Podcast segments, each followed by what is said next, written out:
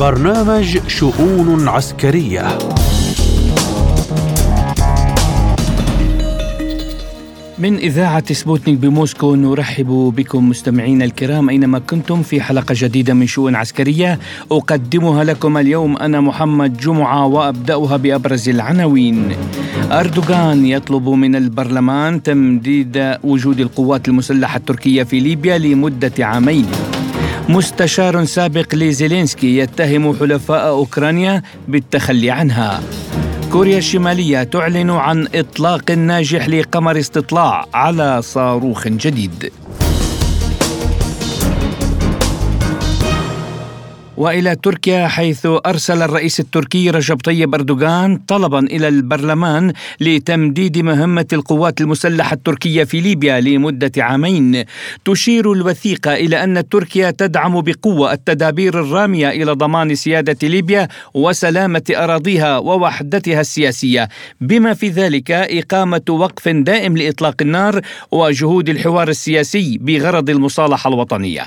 وتشير أنقرة إلى أن هذه الأنشطة تتم وفقا لقرارات مجلس الأمن الدولي. سبق أن وقعت حكومتا ليبيا وتركيا مذكرتي تفاهم في السابع والعشرين من نوفمبر 2019 إحداهما تتعلق بالتعاون العسكري والأخرى تتعلق بتعيين حدود المناطق البحرية في سياق متصل انطلقت المناورات التكتيكية أولمبيك كوبريشن 23 في شمال شرق اليونان بمشاركة اليونان وبلغاريا وجورجيا وقبرص والولايات المتحدة وفرنسا بالإضافة إلى مشاركة مراقبين من ألبانيا وأرمينيا ومصر والهند والأردن والإمارات العربية المتحدة ورومانيا والمملكة العربية السعودية. أسفرت المشاركة الفرنسية في التدريبات عن أكبر تواجد للقوات البرية الفرنسية في اليونان والمنطقة منذ فترة الحرب العالمية الأولى. وقد اتفقت اليونان اليونان وفرنسا على مواصلة تعزيز التعاون الدفاعي الثنائي بما في ذلك زيادة عدد المناورات وإنتاج الأسلحة والذخائر. جدير بالذكر أنه في سبتمبر 2022 أعلنت وزيرة الخارجية الفرنسية كاترين كولونا استعداد فرنسا لدعم اليونان في حالة وقوع عدوان محتمل من تركيا عليها. إلى ذلك وقعت الولايات المتحدة واليونان اتفاقية تقضي بإضافة أربع قواعد عسكرية أمريكية أمريكية أخرى. في الأشهر الأخيرة تم نقل المعدات العسكرية الأمريكية عبر ميناء ألكسندروبوليس بهدف شحنها إلى بلغاريا ورومانيا وكذلك إلى أوكرانيا. لمناقشة هذين الملفين ينضم إلينا من أنقرة الخبير بالشؤون الإقليمية الدكتور فراس رضوان أوغلو. أهلا بك دكتور فراس في شؤون عسكرية وأبدأ معك من أسباب مساعي أنقرة لتمديد مهام قواتها في ليبيا لمدة سنتين. يعني ما مصلحة تركيا ببقاء قواتها المسلحة في ليبيا؟ يعني أنا أظن أن بالنسبة لتركيا هي يعني استمرار ل لنقل المصالح القديمة المتجددة بالنسبة لتواجدها في ليبيا نحن نعلم أن الأطراف الليبية حتى الآن يعني لم تصل إلى لنقل حل واضح في مسألة الانتخابات في الداخل الليبي أيضا لم يصل يعني مشروع حل حقيقي في الطرفين. الانفصال واضح ما زال قائما على الأقل عسكريا وأمنيا في بين الشرق الليبي والغرب الليبي. وهنا تبقى المصالح التركية نوعا ما إبقاء التواجد العسكري هناك. وإبقاء التواجد العسكري وفق الرؤية التركية الآن وليس وقت عندما كان هناك الصدام، الآن هو التواجد هذا يثبت الاستقرار الحاصل في في الداخل الليبي وبمعنى أن آه، بعد توازن القوى بين الطرفين الشرق والغرب وتوصل إلى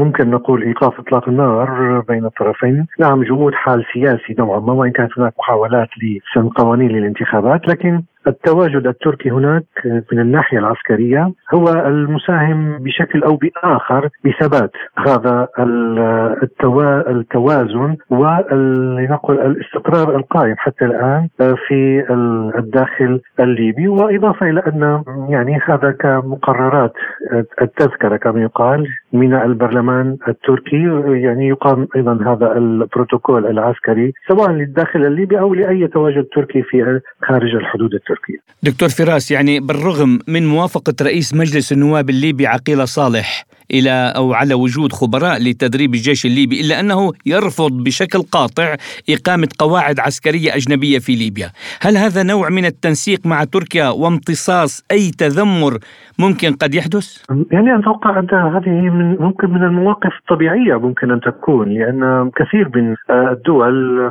والوطنيون لنقول يعني ربما لا يحبذون تواجد قواعد عسكرية لأن هذه مرتبط في حالة الدولة، هل الدولة هذه لديها قوة عسكرية كبيرة لحتى تقيم قاعدة عسكرية ويكون هناك ارتباط عسكري كما هي مثلا القواعد العسكرية في داخل تركيا في داخل اليونان، هناك تعاون عسكري كبير، هناك جيشين كبيرين، لذلك ربما تواجد القواعد له استراتيجية عسكرية كبيرة بتعاون بين الجيشين، لكن هذا لا ينطبق اولا على على ليبيا، لذلك أنا أظن هذه هي الفكرة ربما ينطلق منها مجلس النواب، إضافة إلى أنها ستكون ربما لصالح طرف على طرف آخر، لأن حتى الآن ممكن اعتبار أن تركيا تميل وإن كانت لها اصبح أصبح لها علاقات جيدة سواء مع عقيله صالح أو حتى مع الشرق الليبي، الآن يوجد يعني علاقات بين الطرفين، لكن يعتبر التواجد التركي هو لصالح الغرب الليبي أي لصالح حكومة طرابلس، ولذلك ربما في هذا السياق، ولكن وجود خبراء يعني هنا لاحظ معي أن هناك نوع من الليونه بين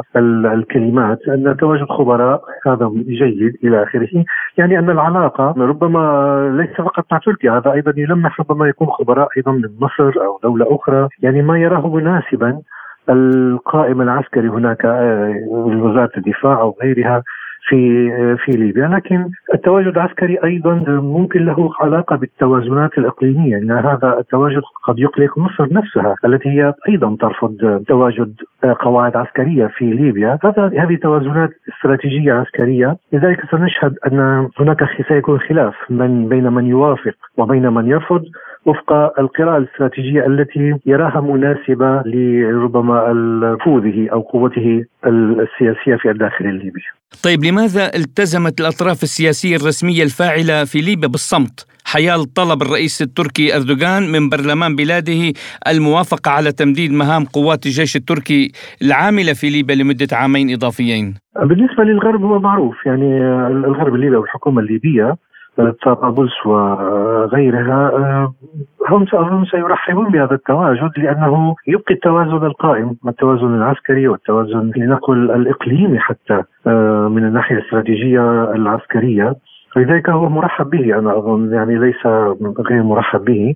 وخصوصا أنه على سنوات قليلة يعني سنتين لا يعتبر هذا الرقم كبيرا. حتى إذا أردت أن تؤسس قواعد أو شيء سنتين لا أظن أنها فاعلة أو أو كافية لتأسيس يعني قواعد عسكرية كبيرة وتدريبها لأن في النهاية ربما هذا التمديد قد يتوقف في حال وصول الأطراف الليبية إلى اتفاق والأطراف الإقليمية والدولية في نفس الوقت لأن هناك معروف الأزمة الليبية هناك حراكا داخليا ليبيا وحراكا أيضا اقليميا سواء في المغرب أو في مصر وحتى بعض الدول الأفريقية والامم المتحدة. اذا هناك حراك إقليمي كبير وفي حال أظن نجاح هذا الحراك.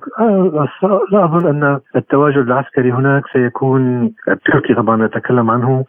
لن يكون إلا بتوافق الجميع يعني بعد طبعا انتهاء الأزمة الليبية. ولكنها أظن هذه المسألة صعبة المنال لأن حتى الآن المؤسسة العسكرية منفصله بين الشرق والغرب، المؤسسة الأمنية منفصله بين الشرق والغرب، نعم يعني هي حتى الآن سياسيا تعتبر دولة واحدة ولكن على أرض الواقع هناك يعني شبه دولتين تماما بقوتين عسكريتين مختلفتين هذا أظن هو يعني أهم بند وأصعب بند بالنسبة لليبيا هو كيفية توحيد المؤسسة العسكرية والأمنية وهذا أظن يحتاج أيضا إلى إلى وقت إلى عمل بين الأطراف. دكتور بالنسبة لانطلاق مناورات تكتيكية في شمال شرق اليونان بمشاركة اليونان وبلغاريا وجورجيا وقبرص والولايات المتحدة وفرنسا يعني ما هي الرسائل من هذه المناورات؟ ولمن أرادت اليونان إيصالها؟ أظن هذه المناورات هي دائما تكون مقررة مسبقا يعني بكل الأحوال.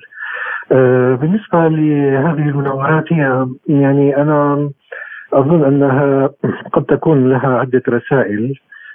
متعددة ومختلفة ال ال يعني الضغط أو التهديد أو النوع حتى الرسالة رسالة ثقيلة أم خفيفة. بالنسبة أظن هذه المناورات هي قد تطال أيضا يعني لروسيا قد تصل هذه الرسالة الأولى لكثير من الأمور بأن ما زالت هناك مناورات عسكرية بين الناتو وأجزاء خارج الناتو يعني في هذا ال ال الأمر. أيضا بالنسبة لليونان يعني هي معروف الخلاف بينها وبين تركيا في مسألة الحدود البحرية ليست الحدود البرية. الحدود البرية لا يوجد مشكلة بين الطرفين. لكن أيضا لا يمكن اعتبارها رسالة مباشرة إلى تركيا كون أنهما يعني عضوان في حلف الناتو وممكن تركيا غدا تقيم مناورات أخرى كما قامت مناورات سابقة مع أذربيجان آه، في فترة قريبة جدا. وكانت هي أيضا رسائل ممكن نقول إلى الأطراف التي لا تدعم الاستقرار في آه، القوقاز في كرباخ هناك. آه، يعني أنا أظن في هذا الأمر. اليونان سابقا كانت أيضا فعلت مناورات بحرية.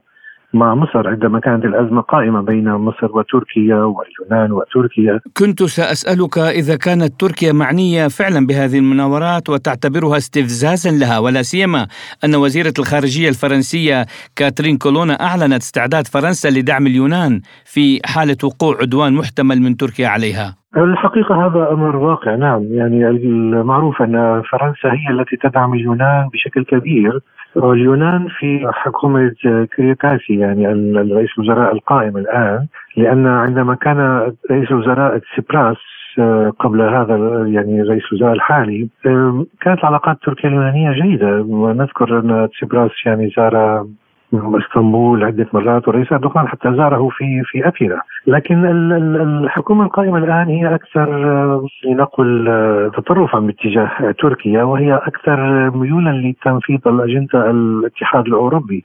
ولذلك فرنسا كانت تدعمه بشكل كبير. حتى أنها أرسلت يعني بعض القطع البحرية لتدعم البحرية اليونانية لأن توازن القوى يعني بين تركيا واليونان لصالح تركيا بشكل أو بآخر. بشكل حتى كبير يعني لكن اليونان قطعة أو جزء من الاتحاد الأوروبي وهذا يعني أنها ليست لوحدها. لكن السياسة الفرنسية هي الآن سياسة السيد ماكرون سياسة ليست ودية مع تركيا. ولذلك لاحظنا أنه يدعم أي شيء ممكن نقول أنه يضرب المصالح التركية. الخبير بالشؤون الإقليمية الدكتور فراس رضوان أغلو كنت معنا ضيفا عزيزا في شؤون عسكرية. شكرا لكم. وإلى الملف الأوكراني حيث حمل الكسي أرستوفيتش المستشار السابق لمدير مكتب رئيس أوكرانيا مسؤولية فشل كييف في هجومها على الجبهات للذين وعدوا بمساعدة أوكرانيا وتخلوا عنها. متهما قيادة البلاد بارتكاب أخطاء استراتيجية في الإدارة العسكرية والحكومية منذ بدء العملية العسكرية الروسية الخاصة زادت الدول الغربية بشكل متكرر من وتيرة إمدادات الأسلحة إلى أوكرانيا. ومع ذلك تطلب كييف باستمرار المزيد والمزيد من الأسلحة والذخيرة بالإضافة إلى نماذج أكثر حداثة وتطورا. بدوره أشار ديمتري بيسكوف السكرتير الصحفي للرئيس الروسي إلى أن دعم أوكرانيا أصبح عبئا على الغرب ولم يعد الغرب قادرا على تحمله. وللحديث أكثر عن هذا الموضوع. نستضيف معنا الباحث في العلاقات الروسية الأطلسية الدكتور باسل حاج جاسم. أهلا بك دكتور باسل في شؤون عسكرية. أهلا بكم. يا مرحبا. وأبدأ معك من اتهام مستشار مكتب الرئيس الأوكراني الكسي أرستوفيتش حلفاء أوكرانيا بعدم تقديم الدعم، هل يستجيب الغرب لهذه الاتهامات دكتور في ضوء حقيقة مفادها أن فشل الهجوم المضاد للقوات الأوكرانية سببه السياسة المتهورة لسلطات كييف؟ في الواقع نحن اليوم أمام ربما نقطتين تتعلق بهذه الزاوية موضوع آه، الهجوم الأوكراني المضاد ونعلم أنه سبق آه، بدء هذا الهجوم آه، حديث لأشهر طويلة عنه وحتى عندما بدأ كان هناك ربما تعتيم عن حقيقة التوقيت أو متى بدأ.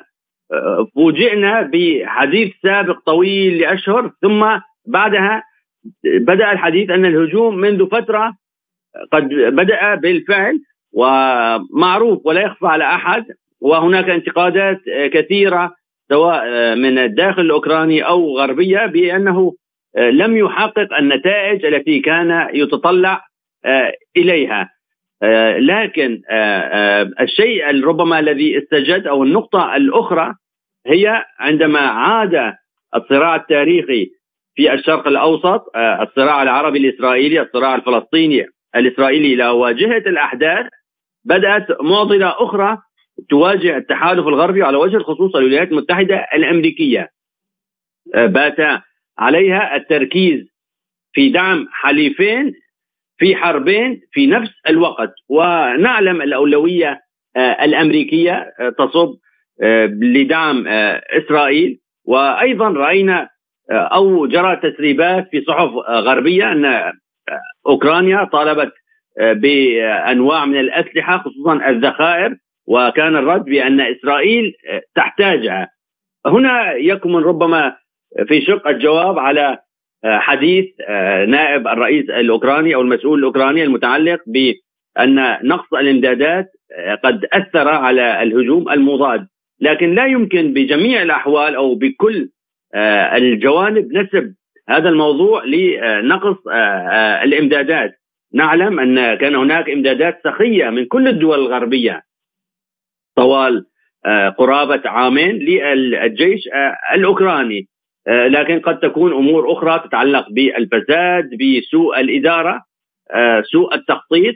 بالإضافة طبعا للاستعدادات والتحصينات الروسية. كل هذه عوامل أعاقت إمكانية تحقيق القوات الأوكرانية أي تقدم أو أي تغيير يذكر في خارطة السيطرة في ساحة المعركة. نعم يعني حتى الإمدادات التي ذكرتها يعني تسليم دبابات غربية صنع مثل ليوبارد تشالنجر أبرامز لم يغير الوضع بالنسبة للقوات المسلحة الأوكرانية حول هذا يعني هل يمكننا القول أن تدمير هذه الأسلحة الغربية والأمريكية ضرب الصورة صورة المنظومة الدفاعية لهذه البلدان الأوروبية بالتأكيد في شق من هذا السؤال نعم بالتأكيد أثر كثيرا على سمعة هذه الأسلحة و خصوصا بعض منظومات الدبابات بحيث كان هناك تصور كبير بأنها أسلحة حديثة أسلحة لا تقهر ورأينا صور لدبابات متفحمة دبابات استطاعت القوات الروسية الاستحواذ. عليها كل هذا أرسل رسالة سلبية للغرب وللمواطن الغربي أيضا آه الذي آه بدأت أصوات في عدة دول تظهر أنه آه لابد من إيقاف هذه الحرب لابد من الجلوس على طاولة المفاوضات مع روسيا. أصوات كثيرة تتحدث بهذا الجانب. والسبب طبعا هو عدم إمكانية إحراز أي تقدم أو كسر روسيا.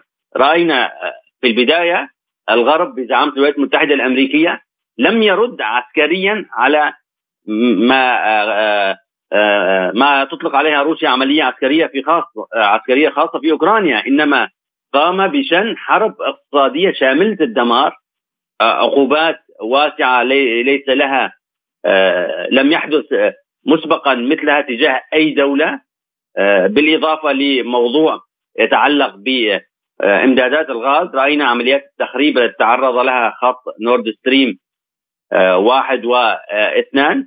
كل هذه لم تتمكن من إحراز تقدم على روسيا. رأينا بعدها السخاء في الدعم العسكري. أيضا مع ذلك لم يحصل أي تغيير في خارطة القوى العسكرية أو يجعل روسيا تتراجع. كل هذا أثر من ناحية على كما تفضلت في سؤالك على سمعة الأسلحة الغربية وأيضا على المعنويات سواء داخل أوكرانيا أو نبض وصوت الشارع الغربي. نعم. لذلك دكتور إذا بتلاحظ الآن في دعوة مبطنة لأوكرانيا بالجلوس إلى طاولة المفاوضات. يعني رئيس لجنة الاستخبارات بمجلس النواب الأمريكي مايك تورنر قال أنه كيف لن تتلقى مساعدات أمريكية جديدة قبل نهاية عام 2023 أليست هذه إشارات لزيلينسكي لإنهاء النزاع العسكري والجلوس إلى طاولة المفاوضات؟ بالضبط. وبالتزامن مع ذلك رأينا أحد رؤساء اللجان في البرلمان الأوكراني تحدث قبل عدة أيام عن أنهم كانوا على وشك إبرام سلام مع روسيا مجرد إعلان حيادية أوكرانيا لكن منع ذلك زيارة قام بها رئيس الوزراء البريطاني السابق جونسون وأشار إليهم أنه لابد من القتال وهو ما جعلنا نشهد هذه النتائج اليوم التي آه، نراها. والمؤكد أيضا أن آه، هناك خلاف كبير آه، شهدناه في الكونغرس بوقف أو منع المزيد من التمويل لأوكرانيا ولا يخفى أنه كلما اقتربت الحملات الانتخابية في الرئاسة الأمريكية سيكون الموقف الأمريكي مختلف. وربما بايدن يريد خوض الانتخابات بإيقاف هذه الحرب لأنها يعني ستكون نقطة سلبية ضده لصالح المرشح الجمهوري الذي حتى الآن يبدو سيكون ترامب بأنه يريد الحوار مع روسيا. وأيضا نقطة سلبية لأن الولايات المتحدة الأمريكية لم تستطيع تحقيق أهدافها من وراء هذه الحرب. الشيء الوحيد أنها ربما خربت العلاقات الروسية الأوروبية. نعم. دكتور آه، خبراء بالوكالة الدولية للطاقة الذرية أبلغوا عن أصوات إطلاق صواريخ آه، بالقرب من محطة الطاقة النووية في زاباروجيا. هل نتحدث عن تحضير استفزاز في محطة الطاقة النووية في زاباروجيا؟ ماذا يترتب على ذلك في الظروف الحالية؟ يعني اليوم آه، هناك ربما صراع في كل آه، المجالات لا يقتصر فقط على آه، ربما الصراع أو المعركة الساخنة آه، المباشرة التي نجدها داخل الجغرافيا الأوكرانية والتي أوكرانيا تخوضها بالوكالة. أيضا هناك صراع في قطاع الطاقة في القطاع الاقتصادي صراع غذائي في شق منه أيضا إعلامي وسياسي. هنا لا نستطيع التكهن. هل بالفعل سيكون آه، عمليات تتعلق بمراكز أو آه، مفاعلات آه، نووية؟ يعني كما حدث مع نورد ستريم 2 كاستفزاز لجعل هذا الصراع يخرج مرة أخرى عن نطاقه أو يتوسع ويستمر دون يعني الرضوخ لأي مطالبات من ايا كان للجلوس على طاولة المفاوضات كل شيء وارد. نعم شكرا جزيلا لكم. الباحث في العلاقات الروسية الأطلسية الدكتور باسل حاج جاسم. كنت معنا ضيفا عزيزا في شؤون عسكرية. شكرا شكرا. وإلى كوريا الشمالية وفي محاولة هي الثالثة التي تقوم بها كوريا الشمالية بعدما فشلت مرتين في وضع قمر عسكري في مداره في أيار مايو وآب وأغسطس. الماضي آه، أطلقت قمرا صناعيا محملا على صاروخ جديد لأغراض الاستطلاع. سيبدأ مهمته الرئيسية في الأول من ديسمبر القادم كما وستطلق عدة أقمار صناعية للتجسس في وقت قصير. فيما نددت طوكيو وواشنطن بعملية الإطلاق هذه حيث اعتبرت ذلك اليابان انتهاكا لقرارات مجلس الأمن الدولي التي تحظر على كوريا الشمالية استخدام التقنيات البالستيه. حول هذا الموضوع علق من بكين الخبير بشؤون شرق آسيا الدكتور نادر رونغ. طبيعة الأزمة التي شكلتها إطلاق القمر تجسس كوري الشمالي للولايات المتحدة هو أن هناك استمرار في التحركات العدائية بين كوريا الشمالية والولايات المتحدة وترى الصين أن هذه الأزمة هي يعني انعدام الثقة بين الطرفين. ويجب على الولايات المتحدة تولي اهتماما بالغا لاهتمامات الكوريا الأمنية لدى كوريا الشمالية وكذلك إيجاد الحل شامل لقضية شبه الجزيرة الكورية من خلال مفاوضات السلام. مفاوضات والحوار ولا يجب أن التحديد باستخدام القوة وكذلك الاستمرار في التحركات العدائية بالنسبة إلى هذه القضية فالصين دائما تدعو إلى الحل السياسي للقضية ولا يجب كذلك استمرار في التحركات العدائية بين الأطراف المختلفة ويجب الحماية أو الاستقرار والسلام في شبه الجزيرة الكورية. وللحديث أكثر عن هذا الموضوع نستضيف الخبير بشؤون شرق آسيا الأستاذ علي محمود ريا. أهلا بك أستاذ علي في شؤون عسكرية. وأسألك عن طبيعة الأزمة التي يشكلها إطلاق قمر التجسس الكوري الشمالي بالنسبة للولايات المتحدة الأمريكية. أهلا بكم.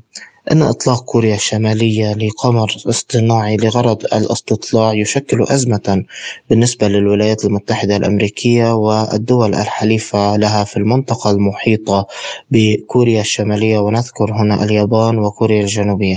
هذه الدول التي بدأت بالاتصالات والتشاور فيما يخص آه، إطلاق كوريا الشمالية لهذا القمر لن تكون سعيدة أبدا من هذه الخطوة وعليه آه، تبدأ باتخاذ الإجراءات منها آه، ما رأيناه من تعليق لكوريا الجنوبية لاتفاقية بينها وبين كوريا الشمالية لخفض التصعيد والتوتر في بين البلدين أستاذ علي ولماذا لا يحق لكوريا الشمالية استخدام تكنولوجيا الفضاء؟ إن الولايات المتحدة الأمريكية وكوريا الجنوبية واليابان يعتبرون أن ليس من حق كوريا الشمالية الحصول على هذا النوع من التكنولوجيا تكنولوجيا الفضاء وليس من حقها الحصول على قدرات تجسسية وتصويرية متطورة مع العلم أن هذه الدول تمتلك الكثير من التكنولوجيا الأكثر تطورا والأكثر تقدما في هذا المجال